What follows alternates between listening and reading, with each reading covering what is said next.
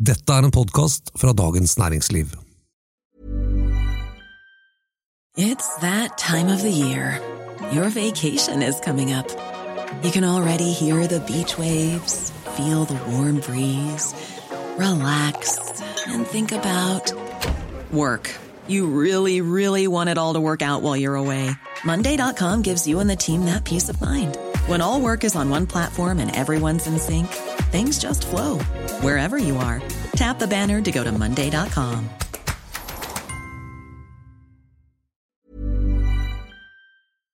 I dag skal vi møte mannen som tok knekken på krona i 1992. Nå er han kanskje den personen som kan påvirke kronekursen aller mest. Velkommen til en spesialepisode av podkasten Finansredaksjonen. En podkast som lages av oss her i Dagens Næringsliv. Jeg heter Terje Erikstad og er finansredaktør. Og i dag har jeg en gjest, og du skal få lov til å presentere deg, si hvem du er, og hva du driver med.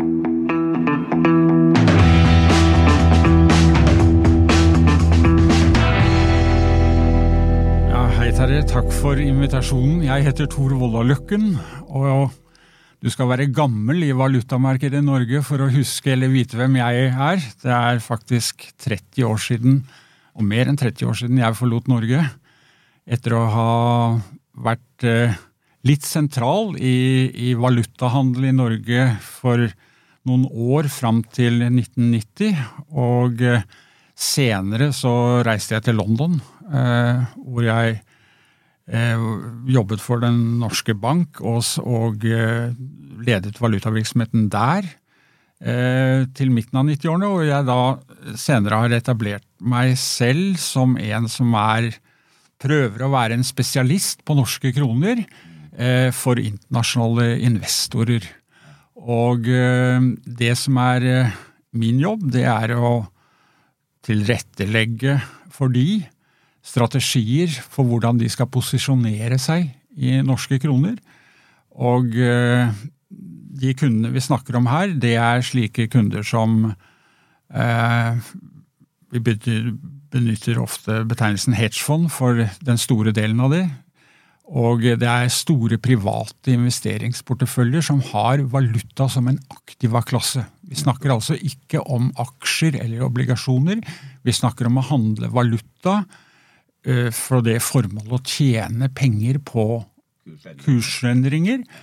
Og eh, eh, det er en kundegruppe som eh, kanskje ikke er så kjent i Norge, dette med hedgefond, simple fordi eh, norske banker ikke hadde kredittlinjer til de i mange, mange år.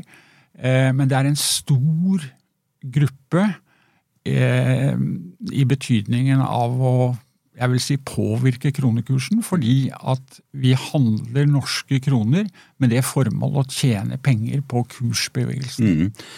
Eh, valutamarkedet er litt sånn mystisk eh, og ukjent for folk flest. Hvordan, hvordan er det man kan tjene penger på eh, at kronekursen endrer seg? Hva, hva kan du forklare? Hva, hva er det du faktisk gjør når eh, man trader valuta, som det heter? Ja, det er, altså En valutakurs eh, er jo en, et, en parkombinasjon av to valutaer. Mm. Eh, vi bruker eh, euro mot norske kroner som liksom den valutaparet vi handler mest. Og det som er vårt formål, da, det er å, å kjøpe euro til én kurs, si 11 kroner og 50 øre. Og eh, fordi vi tror at euroen skal bli dyrere i norske kroner, kanskje bevege seg til 11,80, og vi, hvor vi da vil selge de euroene igjen. Og Siktemålet er da å tjene 30 øre per euro vi måtte kjøpe.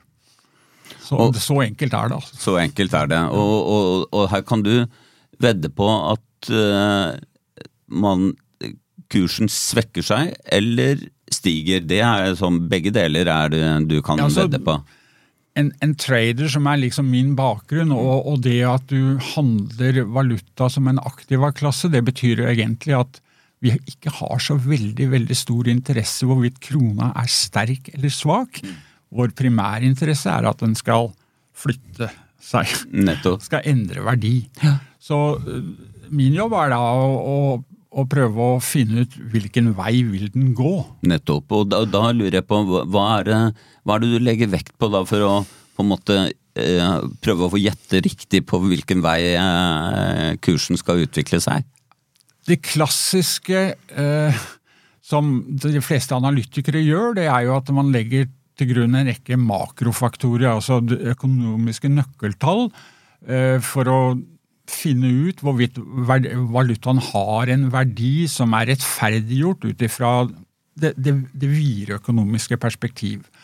Og hvis den ikke har det, så gjør man seg noen oppfatninger om uh, at den da bør bevege seg i, i den retningen. For det er det du langsiktig tror egentlig at, den, at uh, valutaen skal eh, bli. Altså bevege seg mot noe som ofte kalles en sånn fair value.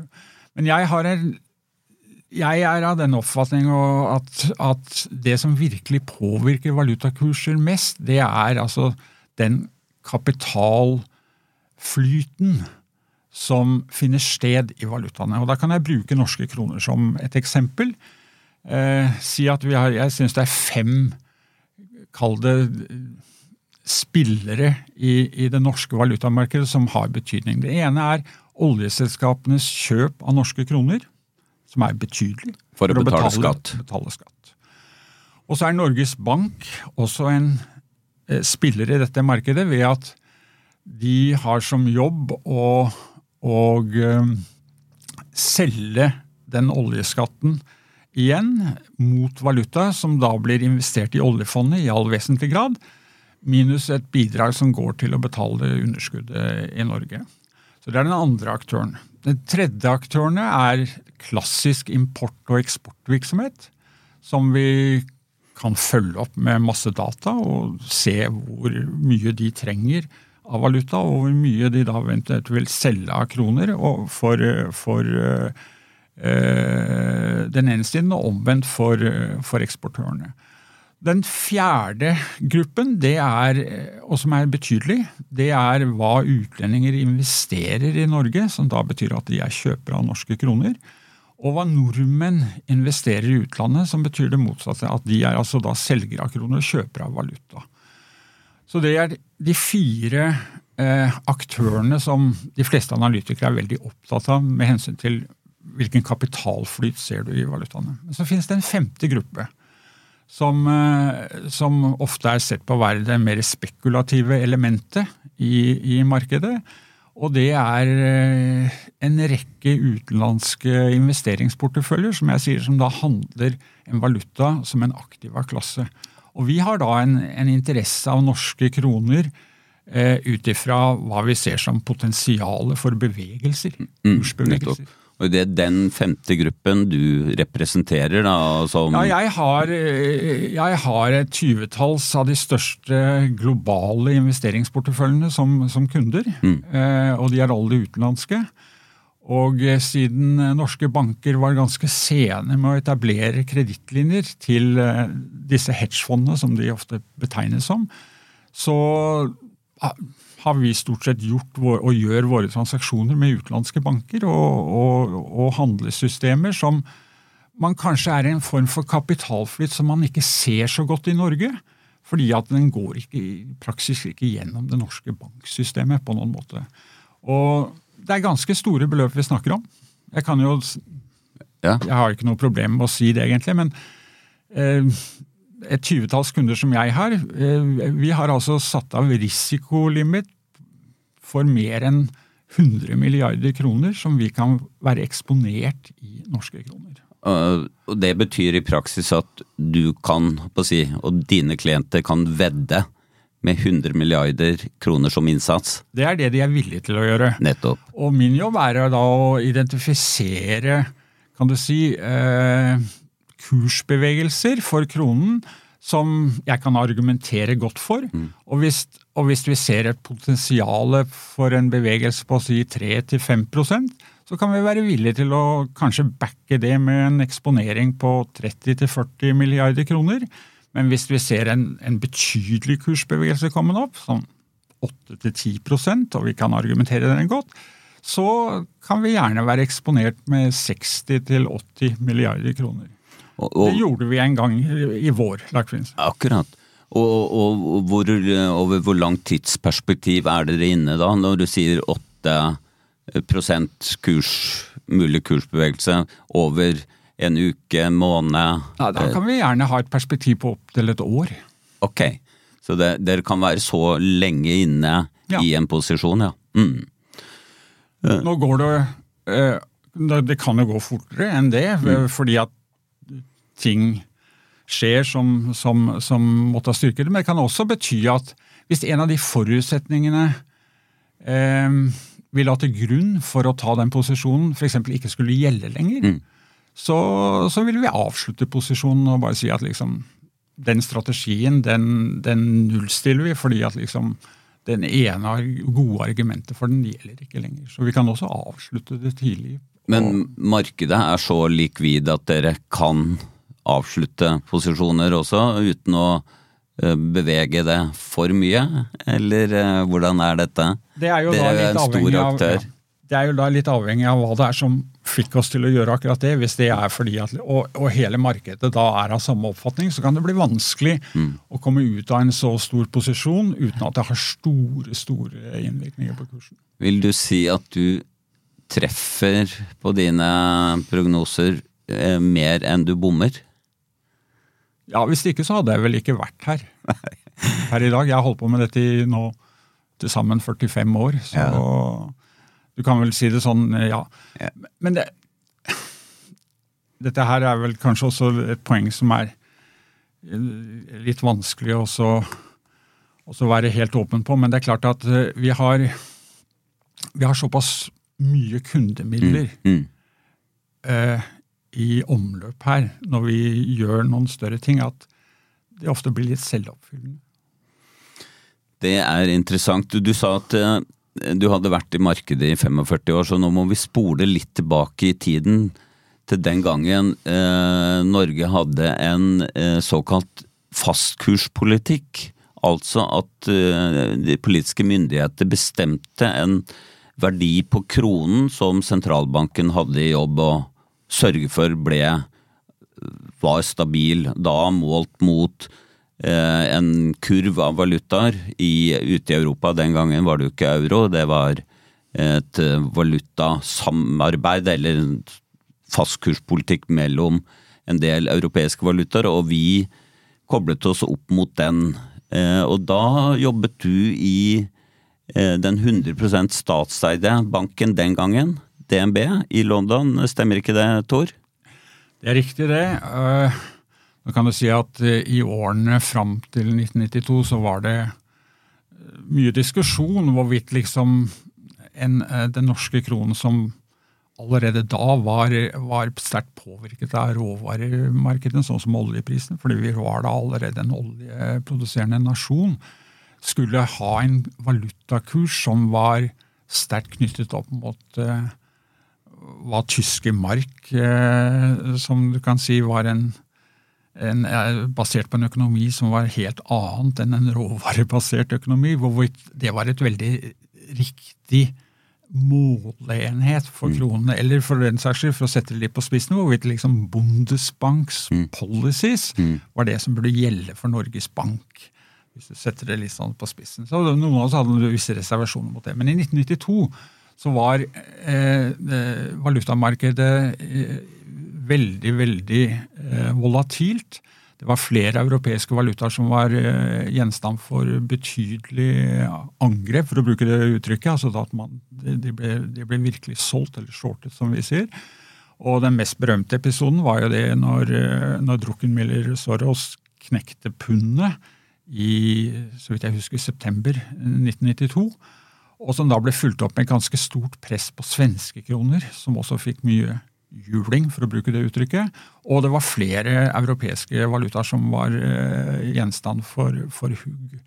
Og selv om ikke det var noen åpenbar grunn til at kronen skulle være utsatt for det samme, så, så var altså synet på norske kroner den gangen, det var slik at investorer så egentlig ikke forskjell på svenske kroner og norske kroner. Så når svenske kroner var under attakk, så ble norske kroner satt under attakk.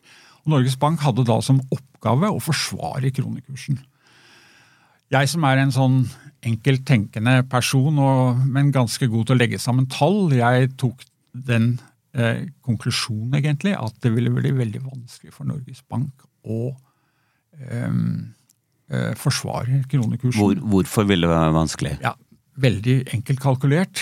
Norges Bank hadde ca. 700 milliarder kroner i valutareserver. Det er jo, det, det er jo det, den beholdningen som kan brukes til å forsvare en, en krone. Dvs. Si at de selger valutaer og kjøper kroner og tar av reservene sine for å gjøre det.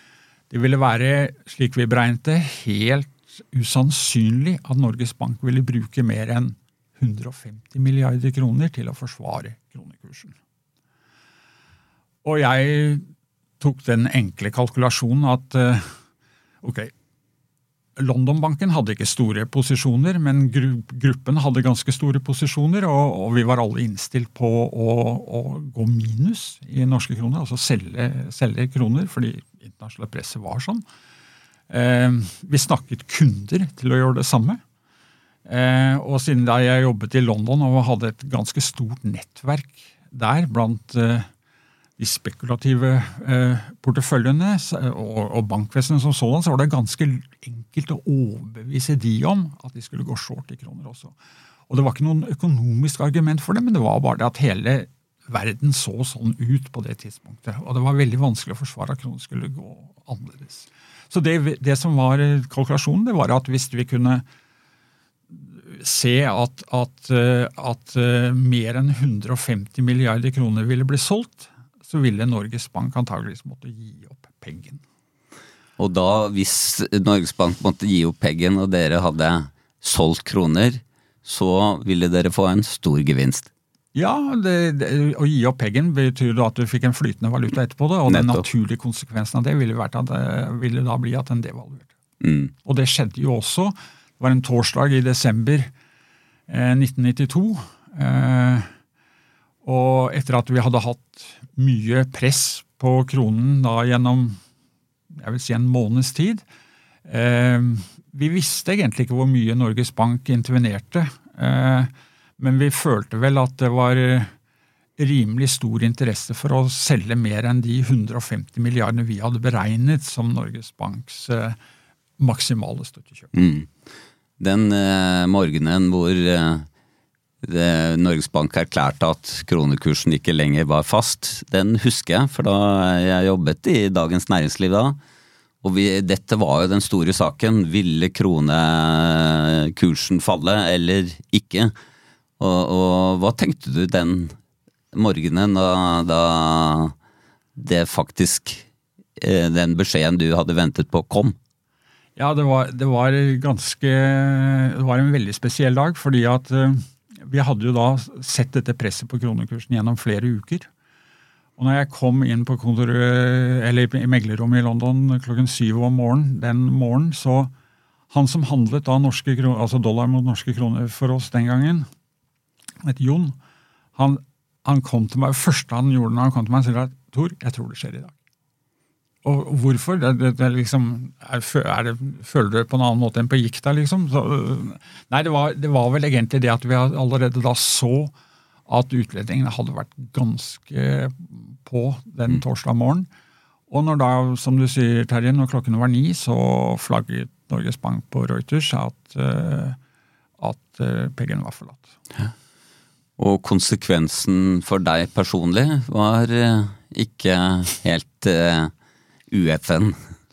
Nei, altså det, det, det, var jo litt vanskelig, kan du si. Og så være en advokat for at uh, Peggen skulle forlates når de jobbet for en 100% eid statsbank, hvor én mm. uh, uh, regjeringen på det tidspunktet hadde alle mulige intensjoner om at uh, fastkurspolitikken skulle fortsette, og Norges Bank var satt som den for å påse at det, det ville skje. Altså, du følte jo etterpå at det kanskje var litt ufint. Vi hadde, jeg kan jo nevne det, altså fredagen før eh, Peggen falt, så hadde vi den norske finansministeren Sigbjørn Johnsen over til en investorkonferanse i London. Det var vel en 200-300 mennesker til stede der. Og det, da kom denne kronekursen opp som et diskusjonstema. Og, det var jo litt, og han hadde da bare en klar melding til markedet, var at liksom kronen ville bli forsvart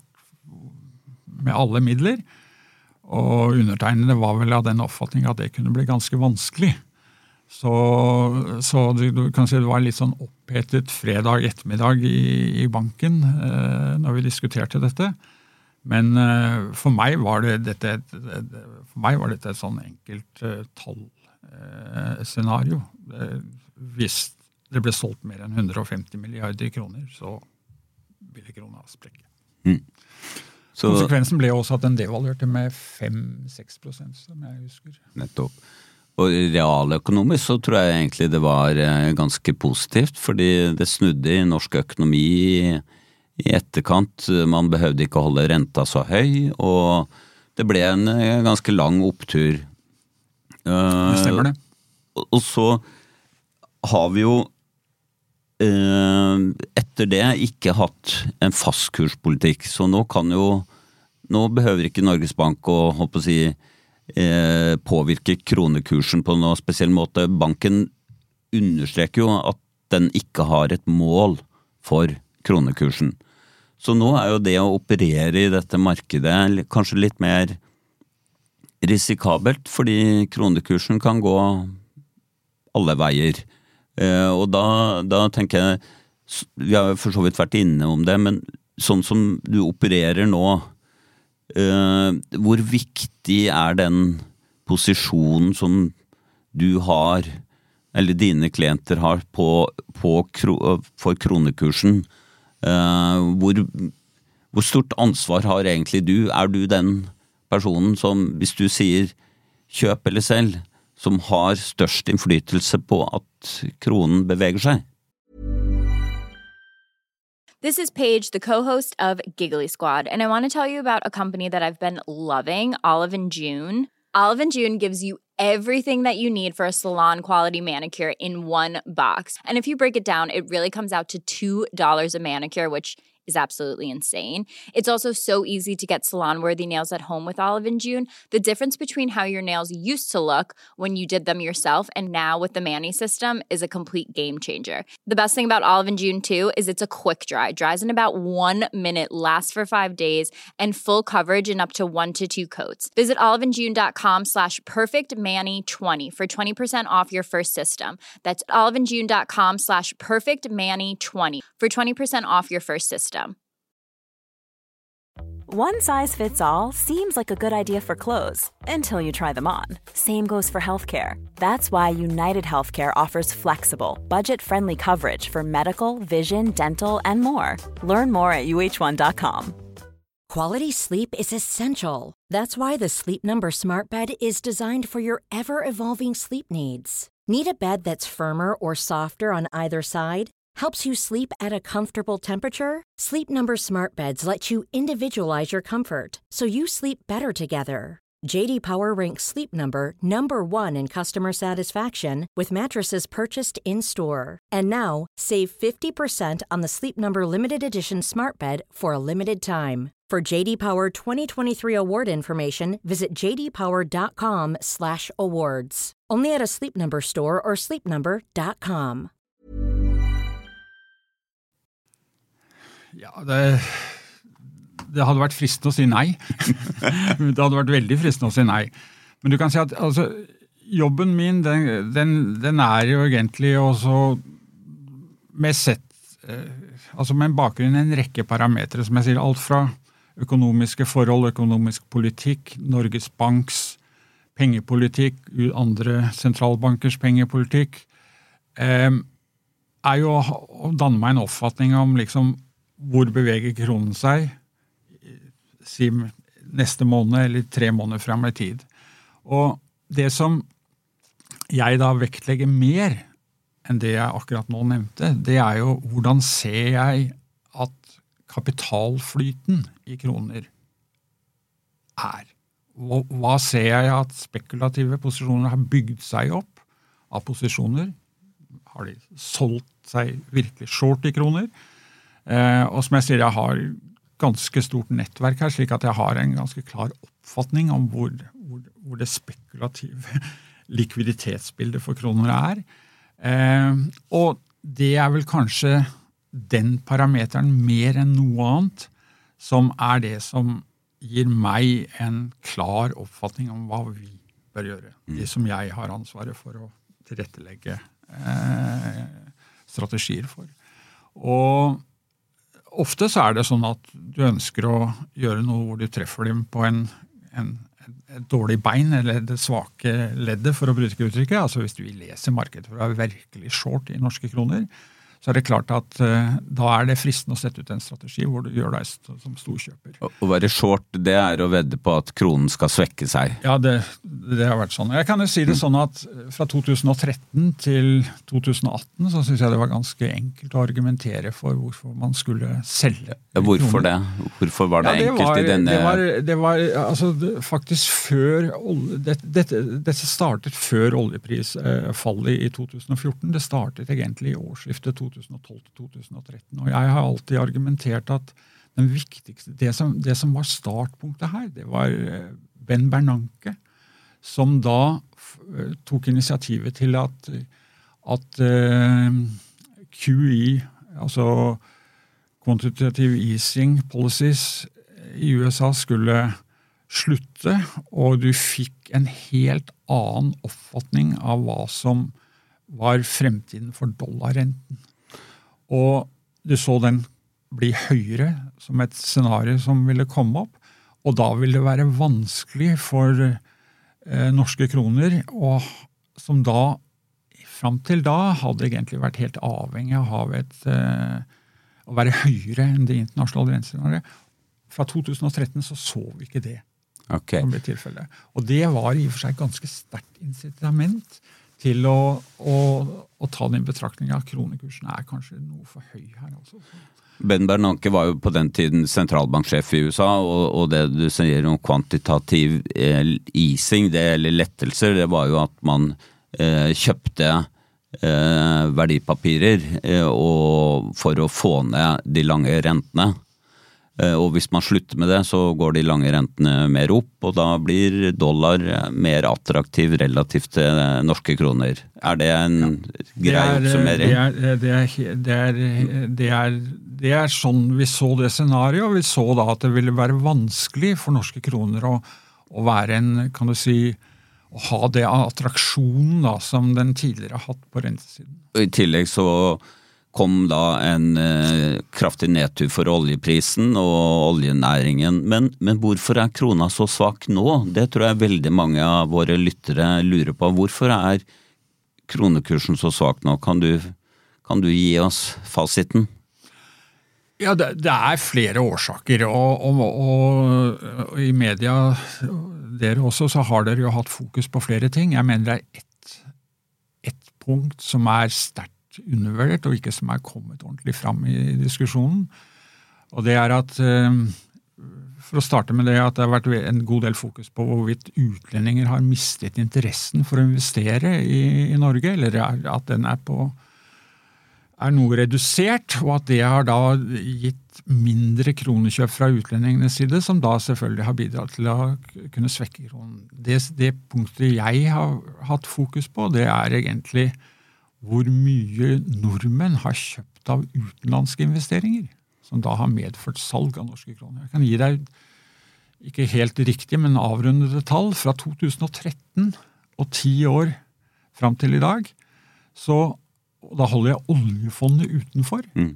så har altså nordmenn investert 3000 milliarder kroner utenfor Norge. I, i utenlandske verdipapirer.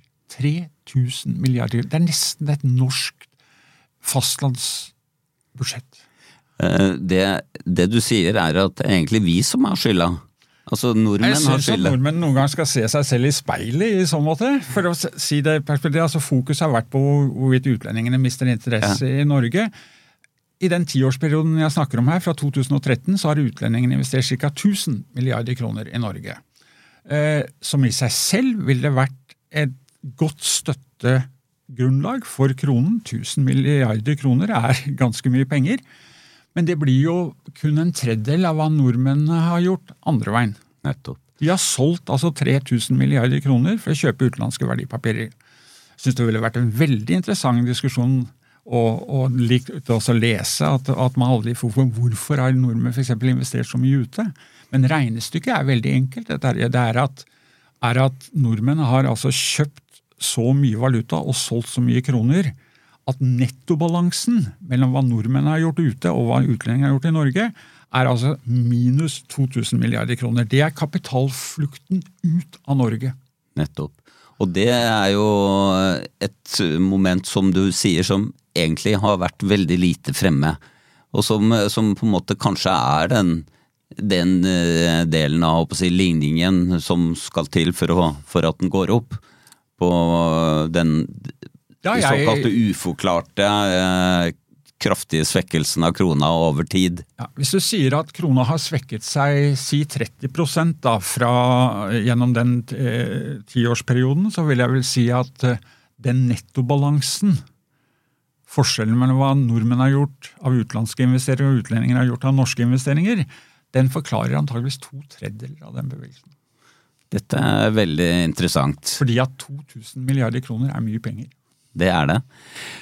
Uh, for å avrunde litt, er det, er det du, du driver med, tenker du at det er sånn samfunnsnyttig virksomhet? Å drive og påvirke kronekursen i en eller annen retning?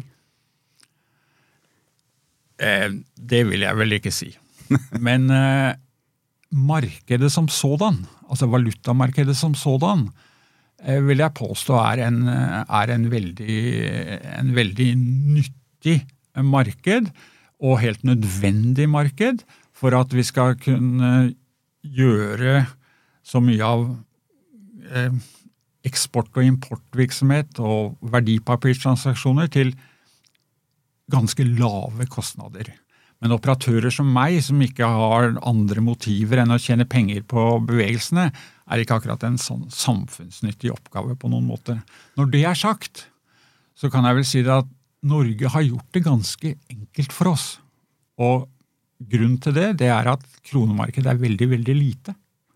Slik at hvis du da representerer en gruppe som er ganske stor i et lite marked, så, så er det lettere å få til noe. Nå, det er vel kanskje en av den kritikken jeg også har mot Norge i noen grad, det er når det gjelder akkurat det jeg holder på med, eller det, det, det norske markedet, er at her kunne Norge ha gjort noe. Jeg synes at, jeg har aldri skjønt, jeg for å være helt ærlig, at det er akseptabelt for norsk næringsliv eller for myndighetene eller Norges Bank at en valutakurs skal svinge med 10-20% per år eh, av årsaker som man i Norge ofte ser å være litt sånn uforklarlig. Jeg syns liksom det er helt akseptabelt. Og det er bare én måte å gjøre noe med det på. Det er å lage et større kronemarked. Og du får et større kronemarked hvis du utvikler et større statsobligasjonsmarked.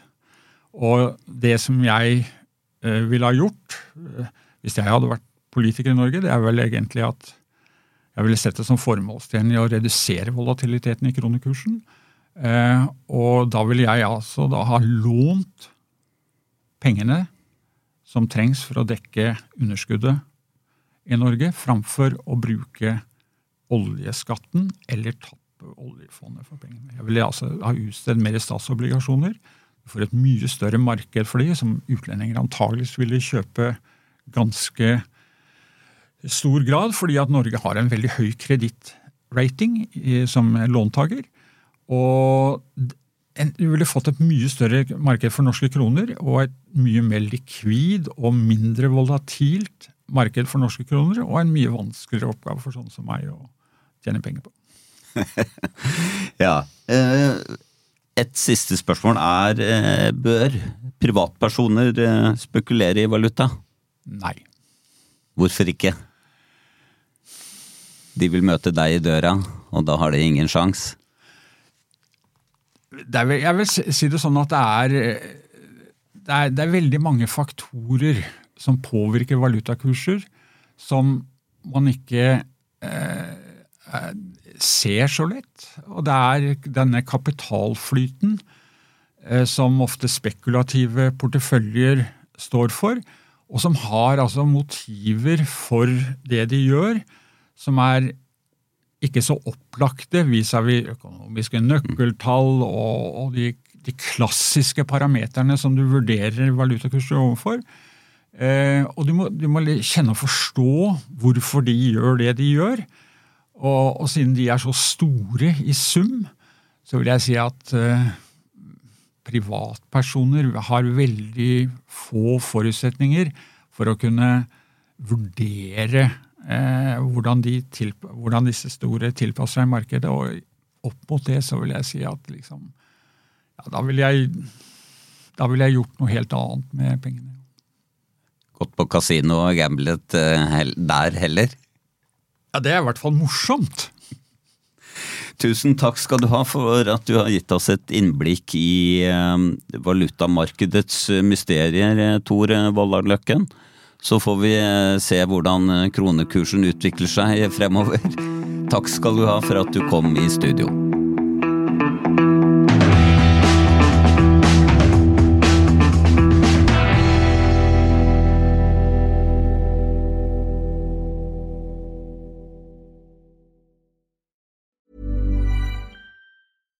When you make decisions for your company, you look for the no-brainers. And if you have a lot of mailing to do, stamps.com is the ultimate no-brainer. It streamlines your processes to make your business more efficient, which makes you less busy. Mail checks, invoices, legal documents, and everything you need to keep your business running with stamps.com.